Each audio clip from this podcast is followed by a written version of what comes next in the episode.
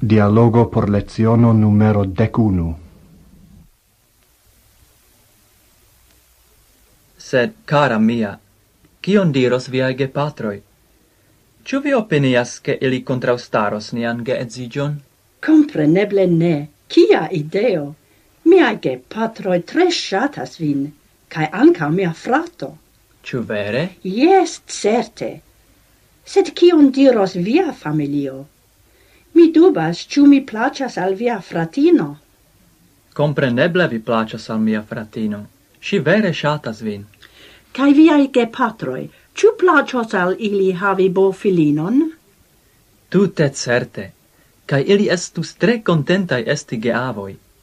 Nepo au nepino tre placis al ili. Estas tro frue por paroli pri idoi, ciu ne? Yes, vi pravas. Tamen mi desiras infanoin. Ciu ne anca vi same? Ho oh, yes, mi tre amas infanoin. Ciu vi volas che la geedziĝa ceremonio ocaso in pregeo? Certe yes, en pregeo, cun multae gastoe. Ge oncloe, ge cusoe, ge nevoe, la tuta familio. Ni devas decidi la daton de la ceremonio. Ciam gi estu? Nu, supposeble post nia visito alla congresso. Sed kial post gi? Kial ne antau la congresso?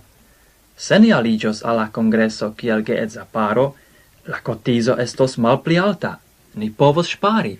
Kia penso? Kia homo?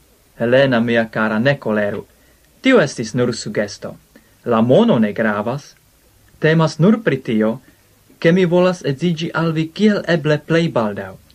Cara Petro, pardonu min.